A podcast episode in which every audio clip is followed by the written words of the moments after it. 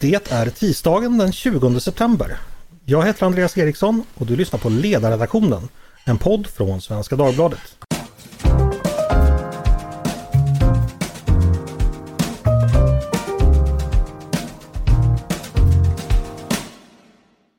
Varmt välkomna! Idag beslutade som bekant Riksbanken att höja styrräntan till 1,75 procent. Det är en höjning med en hel procentenhet. Så här hög har räntan inte varit på över 10 år. Och det här är den största enskilda höjningen faktiskt sedan Riksbankens inflationsmål infördes för snart 30 år sedan. I ett land där hushållens skuldsättning uppgår till ungefär 5 biljoner kronor blir detta förstås en nyhet som sprids snabbt och uppfattas som mycket viktig. Men också av andra skäl så är förstås Riksbankens räntebesked viktigt för ekonomin som helhet.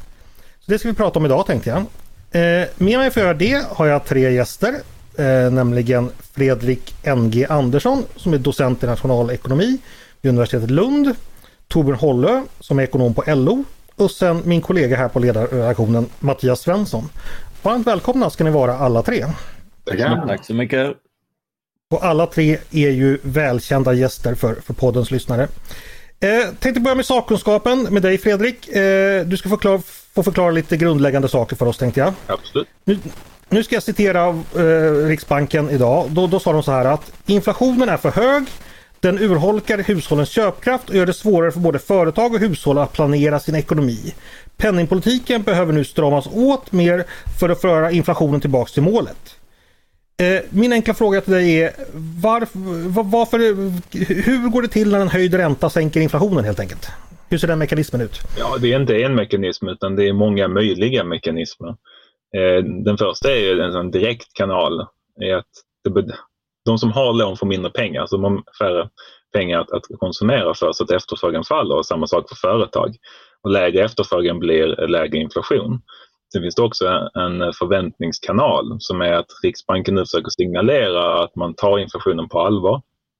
Att man kommer att bekämpa inflationen med allt vad man har. Och det finns därför ingen anledning att till exempel driva upp löner eh, för högt. För om lönerna börjar stiga så kommer inflationen bara att fortsätta. Och sen kan det också finnas en, en effekt genom växelkursen till exempel att högre räntor gör att kronan blir något starkare och att importpriserna därmed inte blir lika höga. Sen har ju kronan idag försvagats så att den kanalen kanske inte är så stark. Eh, man ska också komma ihåg det här med att när, när man rattar på någonting i ekonomin eller man ändrar på någonting i ekonomin så är ju inte ekonomin en, en perfekt maskin som svarar likadant eh, alla gånger utan det här är tendenser man kan säga. Att det blir något lägre efterfrågan till exempel. För förväntningarna kan påverkas något men hur mycket det, det är svårt att avgöra. Mm. Du ska få, få redogöra för lite ytterligare grundläggande saker. Jag vet att du gjort det i podden tidigare men jag tror alla vi förtjänar en repetition. Eh, vi har ju då ett eh, inflationsmål som är på, på 2 Just nu är inflationen på hela 9% Varför har inflationen blivit så hög? Vet vi det? Ja, det har vi ganska bra koll på. Jag brukar säga det är de tre P'na. Det är pandemin, Putin och pengarna. Eh, först är det nedstängningspolitiken under pandemin som gjorde att det blev eh, problem i, i produktionen så att vi fick flaskhalsar så vi fick inte fram varor som gjorde att priserna steg. Och vi såg ju redan i slutet på förra året och i början på detta året att producentpriserna har stigit med närmare 20 procent. Sen så har vi ju kriget i Ukraina och Putin som har drivit upp energipriserna. Eh, då gasen och elpriserna men även tidigare bensinpriset och det spär också på inflationen. Och sen så har vi pengarna, det vill säga den extremt expansiva penningpolitiken vi har haft nu i ja, åtta år i alla fall och inte minst under pandemin. Då Riksbanken och andra centralbanker runt om i världen har skapat ofantligt mycket nya pengar. Och pengar är ju köpkraft, så det är ju efterfrågan. Så vi har nu hamnat i en situation där vi har ökat efterfrågan jättemycket samtidigt som vi får problem på utbudssidan, så att få fram varor och energi att köpa. Och då får man det här klassiska problemet att vi har för mycket pengar som, som jagar för få varor. Och, blir... och, bara så alla är med, hur, hur, gör, hur, hur har riksbankerna eller centralbankerna skapat pengarna? Hur, hur går det till rent praktiskt? Det har man gjort på två sätt. Det ena är att man, man har sänkt styrräntorna, så ett tag hade vi negativ ränta i Sverige. Och då ökar ju företagens och, och hushållens vilja att låna och bankerna lånar ut mer pengar. Och när bankerna lånar ut så skapas det mer pengar. Sen har man också gjort det som är balansräkningsåtgärder det är man gått in på finansmarknaden och så har man köpt olika typer av värdepapper, statsobligationer och företagsobligationer. Och när Riksbanken köper de här så betalar de med nya pengar som de har skapat. Så det är också ett sätt att få upp eh, penningmängden. Så bara under pandemin så ökade mängden pengar i Sverige med ungefär 25 procent på två år. Och i USA var det närmare 40 procent.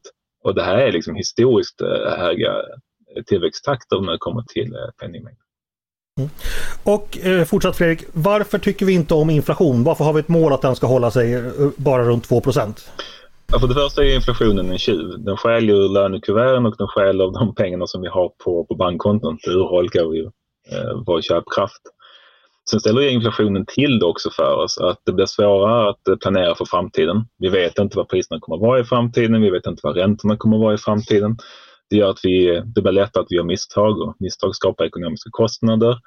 Vi kan också bli mer riskobenägna, att när vi inte vet räntor och priser framöver så gör vi inte viktiga investeringar så bromsar ekonomin in av den anledningen. Och sen kan det bli oordning på, på arbetsmarknaden. Att man börjar kämpa om hur höga ska lönelyften vara och då får, kan man få en, en lön, löneinflationsspiral som vi hade på 70 80-talet. Så att låg, låg inflation det gör det lättare att, att planera för framtiden och alla välfungerande länder och alla välfungerande ekonomier de har låg inflation. Och när man har hög inflation så är det ett tecken på att det är fel någonstans i ekonomin och samhället. When you're ready to pop the question, the last thing you want to do is second guess the ring. At BlueNile.com you can design a one-of-a-kind ring with the ease and convenience of shopping online. Choose your diamond and setting. When you find the one, you'll get it delivered right to your door. Go to Bluenile.com and use promo code LISTEN to get $50 off your purchase of $500 or more. That's code LISTEN at Bluenile.com for $50 off your purchase. Bluenile.com code LISTEN. Stort tack för det. Då fick vi en eh, snabbkurs Economics 101 när det gällde penningpolitiken. Eh, då tänkte jag gå vidare till dig Torbjörn. Eh, jag såg på Twitter idag att du var inte alls förtjust över dagens besked. Eh, du kallade det för eh, bisarrt, bortom sans. Och då, ditt argument var då att den inflation vi har idag den, den drivs då Alltså vi har pratat om höj, av höjda energipriser och det, det kommer inte, inte så att säga förändras av hur man sätter den svenska räntan. Kan du utveckla lite vad, vad det är du är så kritisk mot? Man kan säga att det finns två typer av inflation. Det finns en klassisk inflation, alltså en, en monetär inflation, alltså den klassiska inflationen. Det, det är ju där biter Riksbankens politik liksom, eh, naturligtvis 100% på. Alltså det finns så mycket pengar ute, man, man drar in köpkraften. Eh, det vi har nu det är ju eh, det är mer, det, det är framförallt liksom energiprisökningar eh, eh, vi ser framför oss. Så jag kan säga att det, det, är, liksom, det är inte det, det, är inte A eller B utan det finns naturligtvis en mix av detta och det finns, eh, det finns även eh, framförallt i andra länder så har, har man fått en väldigt expansiv politik, men inte minst, minst i USA naturligtvis som har haft en väldigt expansiv ekonomisk politik.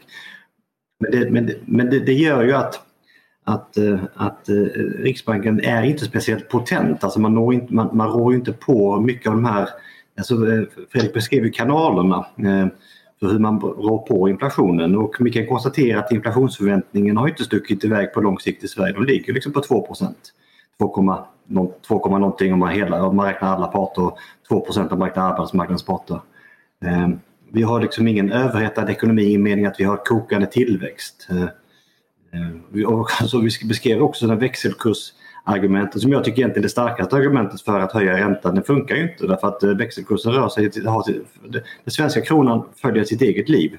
Så att trots 1 procentenhets ökad ränta så, så, så, så försvagas den svenska kronan. Så att, så att jag menar att det, det är klart att Riksbankens räntevapen biter på vissa begränsade delar. Men den stora frågan är ju den här energikrisen vi har. Det är den stora grejen. Och det är naturligtvis lite tillspetsat men i grund och botten, alltså, man kan höja räntan hur mycket som helst. Det kommer inte återstarta tysk eller svensk kärnkraft. Och det kommer liksom inte eh, ta bort Putins liksom, eh, eh, eh, eh makt över den tyska energipolitiken via, via gasen. Eh, så att jag, jag menar att, att, att, att eh, man tar in med storsläggan trots att man vet att det biter väldigt begränsat. Okej, eh, vad är det du är orolig kommer hända då? Alltså om, om, om, vilka negativa konsekvenser kan det här få? det får väldigt stora negativa konsekvenser såklart. Det, får ju, det, det, det, är liksom, det är hela syftet att det ska få stora negativa konsekvenser. Eh, mm. Det, det, det, är bara då det biter så att säga. Syftet, syftet är ju att, eh, för sagt, det finns ingen inflationsförväntning att ta ner dem. Är, de, är liksom, de är rimliga på lång sikt. Och, utan det, det handlar om det, det är att pressa upp arbetslösheten och sänka tillväxten kast. Mm. Det, det är vad det kokar ner till. Och, det är klart att från ett, från ett, eh, från ett LO eller arbetstagarperspektiv så vet vi också liksom någonstans rangordning i vem som drabbas först. Alltså, arbetsmarknaden är ju väldigt mycket av en rangordning. Alltså att de som får jobb sist, det är de som har svagast ställning och de som åker ut först, det är de som har svagast ställning. Ehm, och vi har ju väldigt hög arbetslöshet i Sverige. Alltså vi, vi, vi, ibland beskrivs det som även den tillträdande, tillträdande riksbankschefen Erik Edén har ju hävdat att vi har låg arbetslöshet i Sverige. Det är, det är en väldigt konstig beskrivning. Vi har ju 7 arbetslöshet i Sverige, en av de högre nivåerna i Europa. Så Sverige hade ju verkligen behövt god efterfrågan och en riksbank som inte var så Eh, glad i att höja räntan. Jag, jag, måste säga, jag är mycket besviken på Riksbanken. Jag tycker att Riksbanken ska vara tråkig Riksbanken ska vara tråkig och förutsägbar och konservativ. Det, det ska prägla Riksbanken. Detta är snarare någon sån här eh, färgglad liksom eh, vi ska släppa in Mattias. En radikal riksbank. Jag vet att du tycker lite annorlunda. Du tycker ju att man skulle ha höjt räntan för länge sedan. Eh, vad tänker du när du hör Torbjörns resonemang? Eh, ja, det ligger ju mycket i vad Torbjörn säger. Alltså mycket av, av de eh, stigande priser vi ser nu är ju inte liksom en, eh, den här eh, alltså, eh, penninginflationen utan det är ju som, som Fredrik var inne på, det, det är de andra faktorerna också, Putin och pandemin. Eh, och, och sådana priser går upp och sen går de ner eh, och, och det, det reglerar sig rätt mycket Mm. Men är det inte då ett väldigt dåligt tillfälle att höja räntan nu, eller hur, hur tänker eh, du? Nej, tvärtom. Alltså, det finns ju det tredje och det är ju de här enorma eh, stimulanserna. Alltså, Torbjörn har ju helt fel i, liksom, den här trippen har vi ju snarare varit på med en fullkomligt verklighetsfrämmande penningpolitik över, eh, sen finan, eh, åtminstone sedan finanskrisen med, med extrema stimulanser och liksom en, en lågräntepolitik. Det är ju inte så att räntorna nu ligger högt. Eh, de ligger fortfarande historiskt sett eh, ganska lågt. Eh, och, och, och det är liksom snarare, vi är på väg ner från en enorm tripp som till slut fick konsekvenser. Alltså det har skapat enorm inflation på tillgångsmarknaderna, enorm inflation på bostadsmarknaden, ställt till en massa oreda där och nu också tagit sig in i, i den reala ekonomin. Och det är också det enda instrument som, som penningpolitiken har för att alls nå Eh, e-, effekterna på konsumentpriser. Så det vore konstigt om man, om man inte använder sig av det. Men Torbjörns oro då, vad, vad, hur vill du bemöta den? Det här med att det slår mot ekonomin och slår mot de, de som har det sämst? Ja, alltså han, jag tycker han målar fan på väggen lite grann här för det är ju samtidigt så att i stora delar av ekonomin så har vi enorm brist på arbetskraft. Eh, alltså det är, det är ju snarare liksom en matchningsproblematik som gör att människor som inte kommit in på arbetsmarknaden inte gjort det. Eh, och, och, det kan du hälla hur mycket pengar på som helst och vi har gjort det nu i ett decennium. Det har inte hjälpt. Utan det är snarare så att att, att vi minskar den här typen av, av överbelastning. Det är också så att den här lågräntepolitiken har systematiskt pumpat in pengar i sektorer som inte nödvändigtvis varit de mest produktiva. Och det, det är ett problem vi har i hela västvärlden, att pro produktiviteten sjunker. Och det är snarare de problem, strukturella problemen som rättas till när vi nu får en rimligare räntepolitik. Nu, nu ska jag sammanfatta din ståndpunkt Mattias, får du protestera ifall jag har fel. Du tycker att det här hade behövts då i, i, i tio år eller liksom under ganska lång tid och att det gör, görs nu när det liksom så att säga har en, lite andra orsaker. Det är okej okay att det görs ändå för det, det, det tar inte så stor skada. Eh, huvudsaken är att det görs. Är, är det en god sammanfattning av din Ja, det, det, är en god sammanfattning, men jag tror också att, det, att det, ja, det är vad man kan göra också åt, åt den situation man, man vi, har vi släpper nu. In, vi släpper in Torbjörn igen. Vad, vad, tycker du när du hör Mattias argumentation? Nej, men, jag tycker ju att, egentligen att, att, att, det inte är nödvändigtvis... Alltså man, kan ju, man kan ju vara väldigt kritisk mot hur Riksbanken eh, har bedrivit sin politik över tid utan att för en delen tycka att det är bra att man reverserar så snabbt. Så jag tycker egentligen inte att, de, att det ena resonemanget följer på det andra.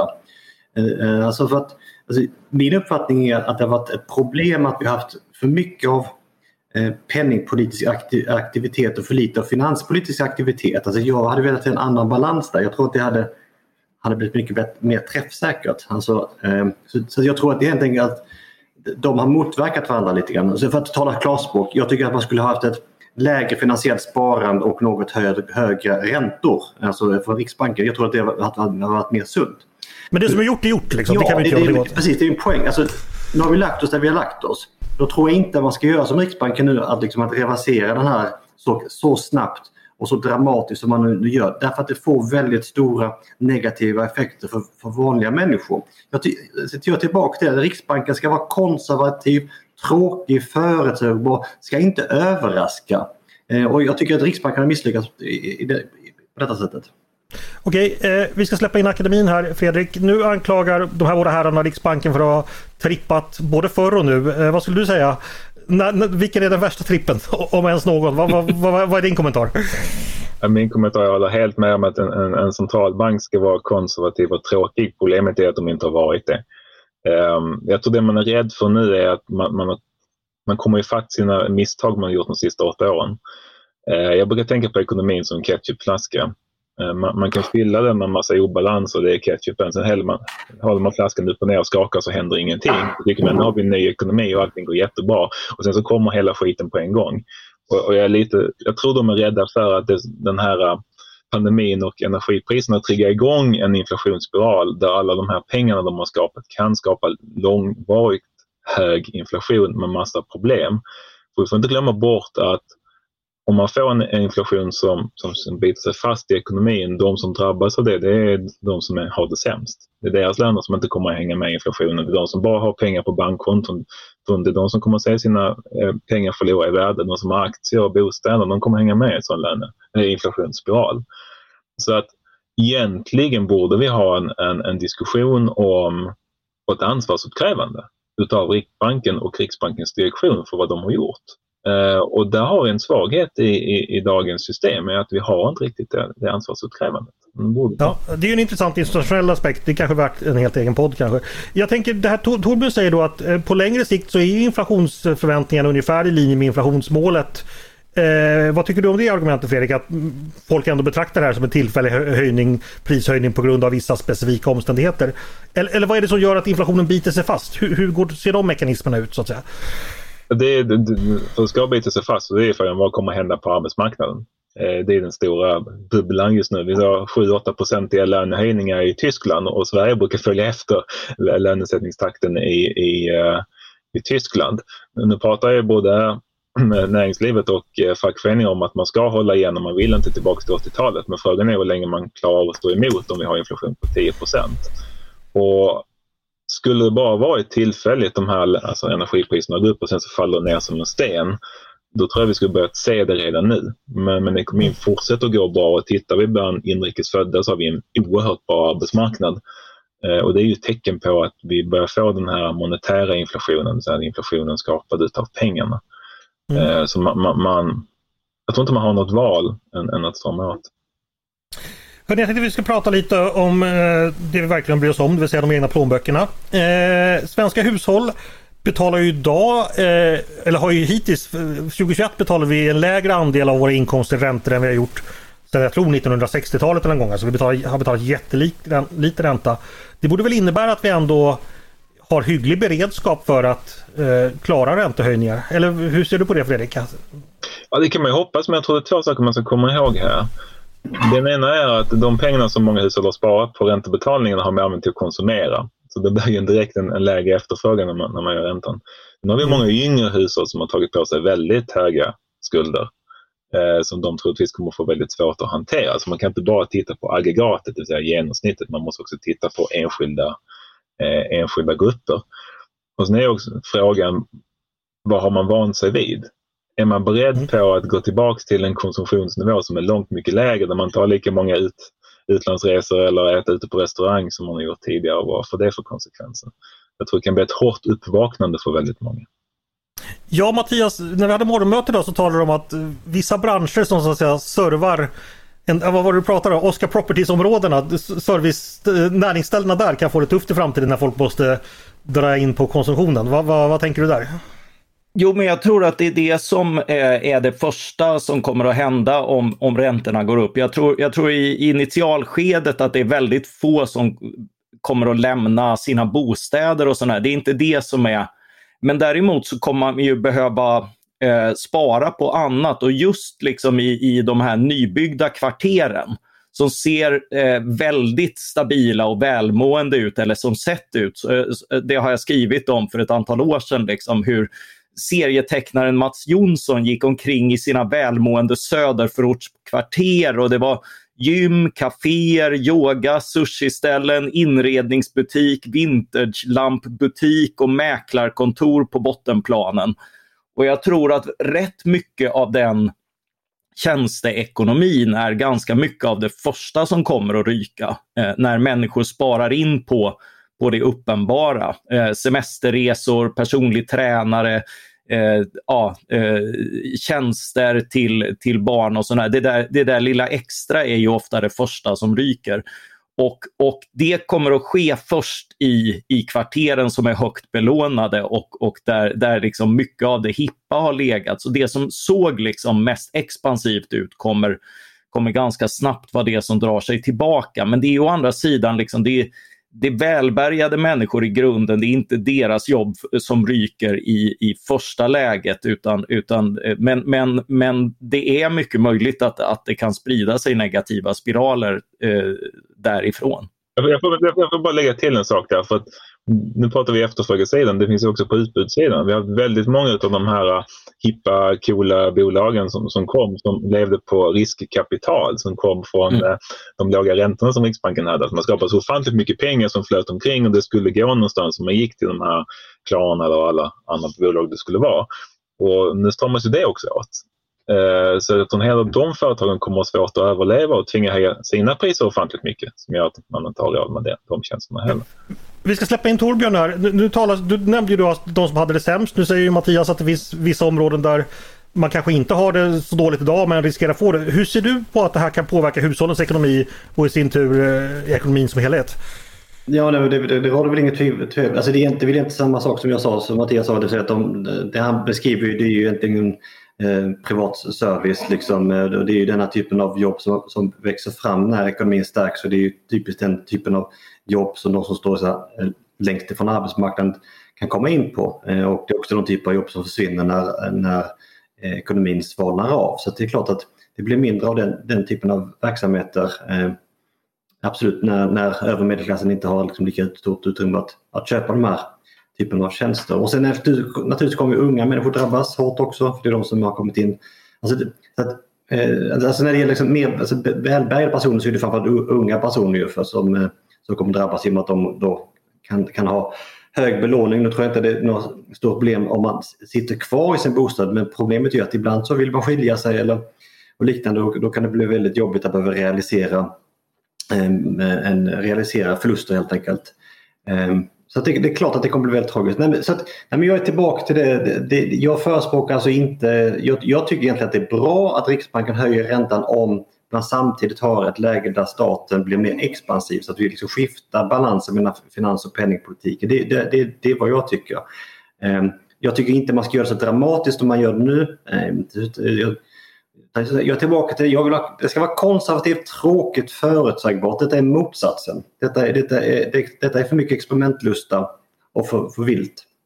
Torbjörn, vi är en moderat, oberoende moderat tidning så vi är liberalkonservativa, bara konservativa till hälften tyvärr. Eh, jag tänkte bara vi ska gå tillbaka lite till nationalekonomins fundamenta. Eh, Fredrik, kan du förklara för mig, i en ekonomi där räntorna stiger och vi som hushåll och, och företag måste avstå för vissa saker. Vi kan inte konsumera mer, vi måste betala räntor. Räntorna går till bankerna. Vad, så att säga, vad hamnar de pengarna till slut? Vem är det som mer än bankerna? För fast bankerna får ju i sin tur betala mer. Vart tar pengarna vägen så att säga?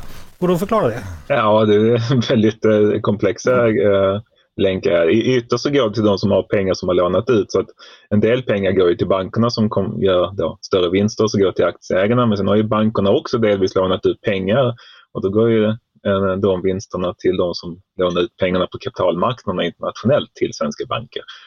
Så det, det, är komplexa eh, kopplingar här men ytterst de som har pengar och har sparat pengar det är de som kommer att gynnas på ett eller annat sätt. Mm.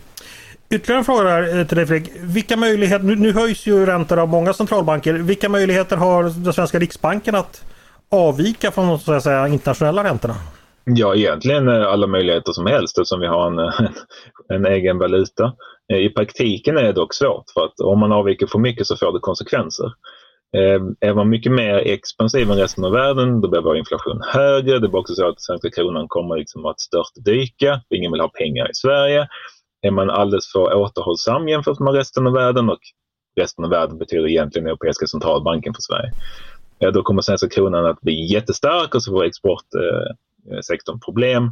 Så det vi ser sen vi införde inflationsmålet är att Riksbanken följer ungefär det som Europeiska centralbanken gör och så har man ett litet, litet handlingsutrymme på kanske en halv till max en procentenhet. Men det är absolut max en procentenhet att avvika från vad ECB har gjort.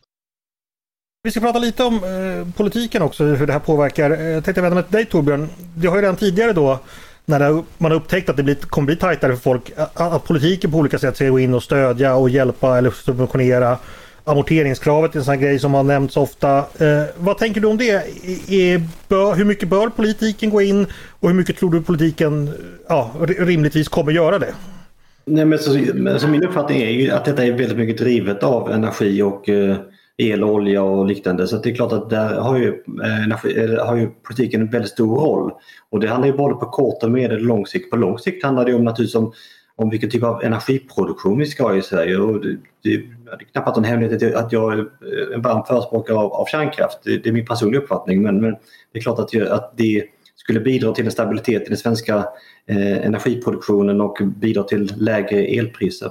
På kort sikt tror jag man behöver fundera på hur beskattningen av el ser ut, hur, eh, eh hur man kan, liksom, eh, hur man kan liksom införa typ av, olika typer av skydd för de som har drabbats av de eh, snabbaste och hårdaste energiprishöjningarna. Ehm, och sen på medellång sikt så handlar det naturligtvis om, om eh, kapacitetsutbyggnad eh, på olika sätt. Men även, även stöd, skrotningspremier, solfångare, värmepumpar, you name it. Alltså det är klart att det behövs väldigt mycket politik. Och det är egentligen lite av min poäng att alltså, vi behöver mindre av experimentfylld riksbank och mer av experimentfylld finanspolitik. Tror du vi kommer få se det? En mer expansiv finanspolitik? Ja, det tror jag. Det tror jag. Eh, jag, tror, jag, tror, jag tror att det, det, det är ligger lite i sakens natur att vi nu får en borgerlig regering och det, det är lättare för en borgerlig regering att vara eh, expansiv än det är för en socialdemokratisk regering. Mm. Only Nixon could go to China. Lite så, säga. Lite så. Eh, Mattias kommentar på det. Hur tror du politikens svar kommer bli? Hur bör det bli och vad tror du det kommer bli? Eh, ja, Torbjörn ser ju att det, eh, det är experimentellt. Jag, jag, jag satt och nickade till att liksom, eh, jag håller ju med om att Riksbanken ska vara liksom en tråkig förutsägbar institution. Jag ser det lite grann som att man håller på att bli det igen efter, efter liksom att ha svävat ut. Eh, men eh, och, men sen är ju alternativet inte bara finanspolitik utan också eh, en en privat sektor och anpassningar till dem. Eh, sker det prishöjningar på en marknad så måste det ske anpassningar på denna marknad. Nu är det ju en väldigt politiserad marknad så Torbjörn har ju rätt i att eh, politiken behöver kliva undan och, och liksom göra klart spelregler långsiktigt så att det går att bygga kärnkraft på, på ekonomiskt rimliga villkor eh, och, och utan risk att någon får för sig att lägga ner det nästa mandatperiod. Det är ju långsiktiga investeringar som behöver liksom ett, ett tryggt format. Eh, skatter och liknande, särskilt när de fungerar som hävstänger för priserna. Alltså priserna stiger och då blir momsintäkterna högre och, och det finns ett antal andra mekanismer i elprissystemet. Fredrik har varit inne på det i tidigare poddar. Där finns mycket att göra för att se till att politiken inte förvärrar för folk. Eh, men, men sen behövs det också en anpassning där, där man liksom hittar kreativa lösningar på att få fram mer energi eller spara av, av det vi, vi använder av. Och, och de mekanismerna sker ju mycket via via att priset skickar en signal och sen liksom finns det tusentals entreprenörer där ute som, som hittar olika lösningar som man inte kan som inte en smart person kan hitta vid sitt skrivbord. Okej, vad tror du, samma fråga som Torbjörn fick, vad tror du politiken kommer göra? Eh, jag, jag, tror tyvärr, alltså det finns ju två lånetorskar, särskilt om vi tittar internationellt, för de billiga krediterna är ju inte bara ett, ett svenskt utan ett internationellt fenomen. Och det är inte bara hushållen, även om det mest har varit hushållen i Sverige, utan också stater eh, som ju liksom passat på och vant sig vid att vara extremt skuldsatta. Eh, Fast vi, alltså, vi, i alltså- Sverige har varit duktiga där på eh, Jo, men, men det, det hör också till undantagen och det har, det har liksom kommit, eh, vi är ju liksom en late adapter, så, så under pandemin och annat så har man ju ändå vant sig vid liksom att att nu finns det inte riktigt samma budgetbegränsningar som annars utan, utan liksom nu, är det, nu är det lite åt alla och man har format koalitioner som just hållits ihop mer av intresset att alla får dutta till sitt än Januariavtalet, jag tittar på dig. Eh, oh ja, oh ja. Eh, det, det, blev ju oerhört lätt att sköta och många punkter kunde fyllas i för man kunde hälla, eh, hälla åt alla håll. Eh, och, och, det där funkar ju också bara så länge räntan är låg. Eh, okay. och, och det kan den inte riktigt vara längre. Och, och det där är ju en, en, också en smäll för framtiden om man vi, släpper in Fred, Fredrik här. Eh, en expansiv eh, finanspolitik här där man, politiken blir mycket mer aktiv. Vad tror du om en sån? Kommer vi få se en sån och vad kommer det i så fall leda till? Jag tror vi kommer få se en sådan men jag tror den kommer bli en typisk politisk produkt vilket betyder att man slänger bort pengarna till ingenting. Om vi tittar på som, som Mattias sa, det är väldigt många länder som har en hög och en, en växande skuldsättning i, runt om i, i den utvecklade världen. Men de har inte haft högre tillväxt än Sverige. Alltså Sverige ligger i topp om man tittar de senaste 20 åren i, i tillväxtligan i genomsnitt. Eh, en procentenhet mer per år jämfört med området, vilket på 20 års tid blir ofantligt mycket. Eh, så det som brukar hända är att man, man definierar om eh, polit, eh, politiskt motiverad konsumtion till investeringar och så är det ingen investering utan så bara en kostnad. Det jag skulle vilja se är att man sätter sig ner och tänker igenom hur får man en mer välfungerande ekonomi? Vad är det som ska till? Hur löser man integrationsproblemen och arbetsmarknaden? Hur löser vi bostadsmarknaden på ett bra sätt? Eh, och löser man fördelningsfrågor eh, som är oerhört viktiga idag. Vi har haft den största förmögenhetsomfördelningen från en yngre generation till en äldre generation till exempel, eh, som ingen diskuterar. Han eh, pratar fortfarande om att gynna den äldre generationen med, med, med högre pensioner som de yngre ska finansiera. Så det finns viktiga frågor att diskutera i Sverige. Jag tycker vi ska diskutera dem snarare än att bara sätta sprätt på massa pengar. För har inte expansiv penningpolitik revolutionerat oss så kommer inte expansiv finanspolitik göra det heller. Du, en fråga till dig Fredrik, jag glömde ta upp den tidigare. Det här med att vi har haft ett amorteringskrav där de mest belånade hushållen de har ju amorterat 3% av sina lån varje år. Har inte det inneburit, tror du, att väldigt många har tvingats ha bättre marginaler och då skulle kunna klara betydligt högre räntor bara de slapp amortera? Jo, absolut. De, där finns ju en, en, en eh, marginal. Samtidigt amorterar man inte men fastighetspriserna faller eh, så har man ju problem om man skulle behöva sälja eh, längre fram. Så att jag tycker det är bra att man har en kultur av amorteringar eh, faktiskt i, i ekonomin. Eh, men sen har man då hamnat fel igen på grund av den väldigt expansiva penningpolitiken. Så att, som jag sa tidigare, tycker vi borde ha en diskussion om hur man kan ha ett ansvarsutkrävande av Riksbanken för allt de har ställt till. Så som sagt, och det är nog en bra idé för en framtida podd. Eh, jag ska avsluta med en fråga till er alla. Vad tror ni, hur länge kommer räntorna fortsätta stiga? Eller snarare, vad kommer krävas för att räntorna ska byta väg så att säga? Vad, vad säger du Mattias? Eller ska de inte det kanske? Nej, men det här är ju en till, eh, tillnyktring. Vi, vi ser inte höga räntor. Det, det, krävs väldigt stora höjningar och väldigt stora höjningar av, av vad man tänker sig i räntebanor. Du ser de är uppe på ungefär eh, 2,5 och sådär. Det är fortfarande inga höga räntor historiskt sett. Eller, och definitivt inga höga räntor i jämförelse med, med vilken inflation man har att bekämpa. Så det hänger ju väldigt mycket på att, att det händer något med, med priserna. För annars, eh, ris, risken är ju att vi får en så pass dramatisk nedgång att man måste avbryta det här och liksom, eh, ja, börja stimulera för stunden igen och så är vi fast i den fällan. Och, och eh, blir det tillräckligt illa så måste man gå den vägen. Men, men, eh, men det bör man undvika i det längsta och det tror jag man gör därför att man har målat in sig ordentligt i det hörnet. Torbjörn, samma fråga till dig. Vad ser du framför dig? Eh, jag tror helt enkelt att inflationen kommer inte gå ner på grund av Riksbankens politik. Inflationen kommer gå ner på grund av att energipriserna faller. Och, eh, vi, är liksom, vi händerna på framförallt tyskarna och vad som händer i Europa. Inte minst, och även hur, effektiva de här EU förslagen blir om att, att justera prissättningen av el. Det kommer få enormt stor betydelse för hur den svenska inflationen utvecklas. Så att jag tror Ingves och gänget kan bara be en liten stilla bön om att, att, att det händer saker med energipriserna för, så att han sen i efterhand kan påstå att det var hans höjda ränta som bet. Och slutligen du Fredrik, när, hur, hur länge kommer Riksbanken fortsätta höja räntorna och vad kommer få dem att tänka, tänka om? Jag tror att vi har den här lågränteperioden tror vi har bakom oss. Om vi tittar ur ett historiskt perspektiv så ligger centralbanksräntorna på någonstans mellan 3,5 och 4,5 i genomsnitt. Och ibland kan man ha 10-15 år där man ligger över och sen kan man ha 10-15 år där man ligger under men man kommer tillbaks till den här nivån förr eller senare. Och jag misstänker att det är dit vi är på väg nu för att 10-talet har varit ett ganska extremt årtionde av många anledningar och, den tiden är förbi. Inflationen, eh, Torbjörn har helt rätt, inflationen kommer inte komma ner i närtid bara för att Riksbanken har höjt räntan med en procentenhet. Eh, till 1 januari så har vi många prishöjningar som kommer slå in på fjärrvärme, kollektivtrafik, hyror som gör att inflationen kommer att fortsätta en bra bit in i 2023. Eh, även om, om eh, energipriserna börjar gå tillbaka på mer historiska nivåer. Så att vi kommer nog få leva med hög inflation ett tag och vi kommer nog se mer normaliserade räntor eh, framöver. Mm. Stort tack för det! Eh, och därmed har det blivit dags att säga tack till er alla tre. Till Fredrik eh, NG Andersson, Torbjörn Hollö och Mattias Svensson för att ni var med och pratade med mig idag. Tack så mycket! Tack så mycket! Tack till er som har lyssnat också eh, på oss idag. Jag hoppas ni tyckte det var intressant. Om än något eh, deprimerande kanske.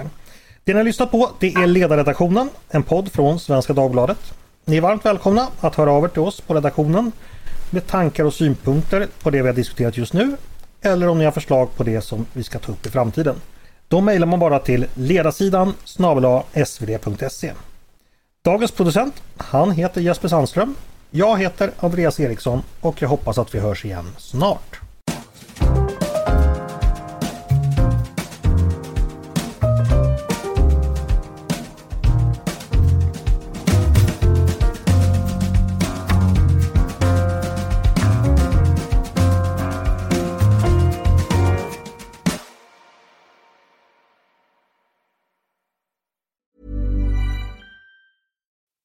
Spring? Is that you? Warmer temps mean new Allbirds styles. Meet the Super Light Collection, the lightest ever shoes from Allbirds, now in fresh colors. These must have travel shoes have a lighter than air feel and barely their fit that made them the most packable shoes ever. That means more comfort and less baggage. Try the super light tree runner with a cushy foam midsole and breathable eucalyptus fiber upper. Plus, they're comfy right out of the box. So, what can you do in a super light shoe? What can't you do is the better question. And because they're super packable, the real question is where are you taking them? Experience how Allbirds redefines comfort. Visit allbirds.com and use code SUPER24 for a free pair of socks with a purchase of $48 or more. That's A L L B I R D S.com. Code SUPER24.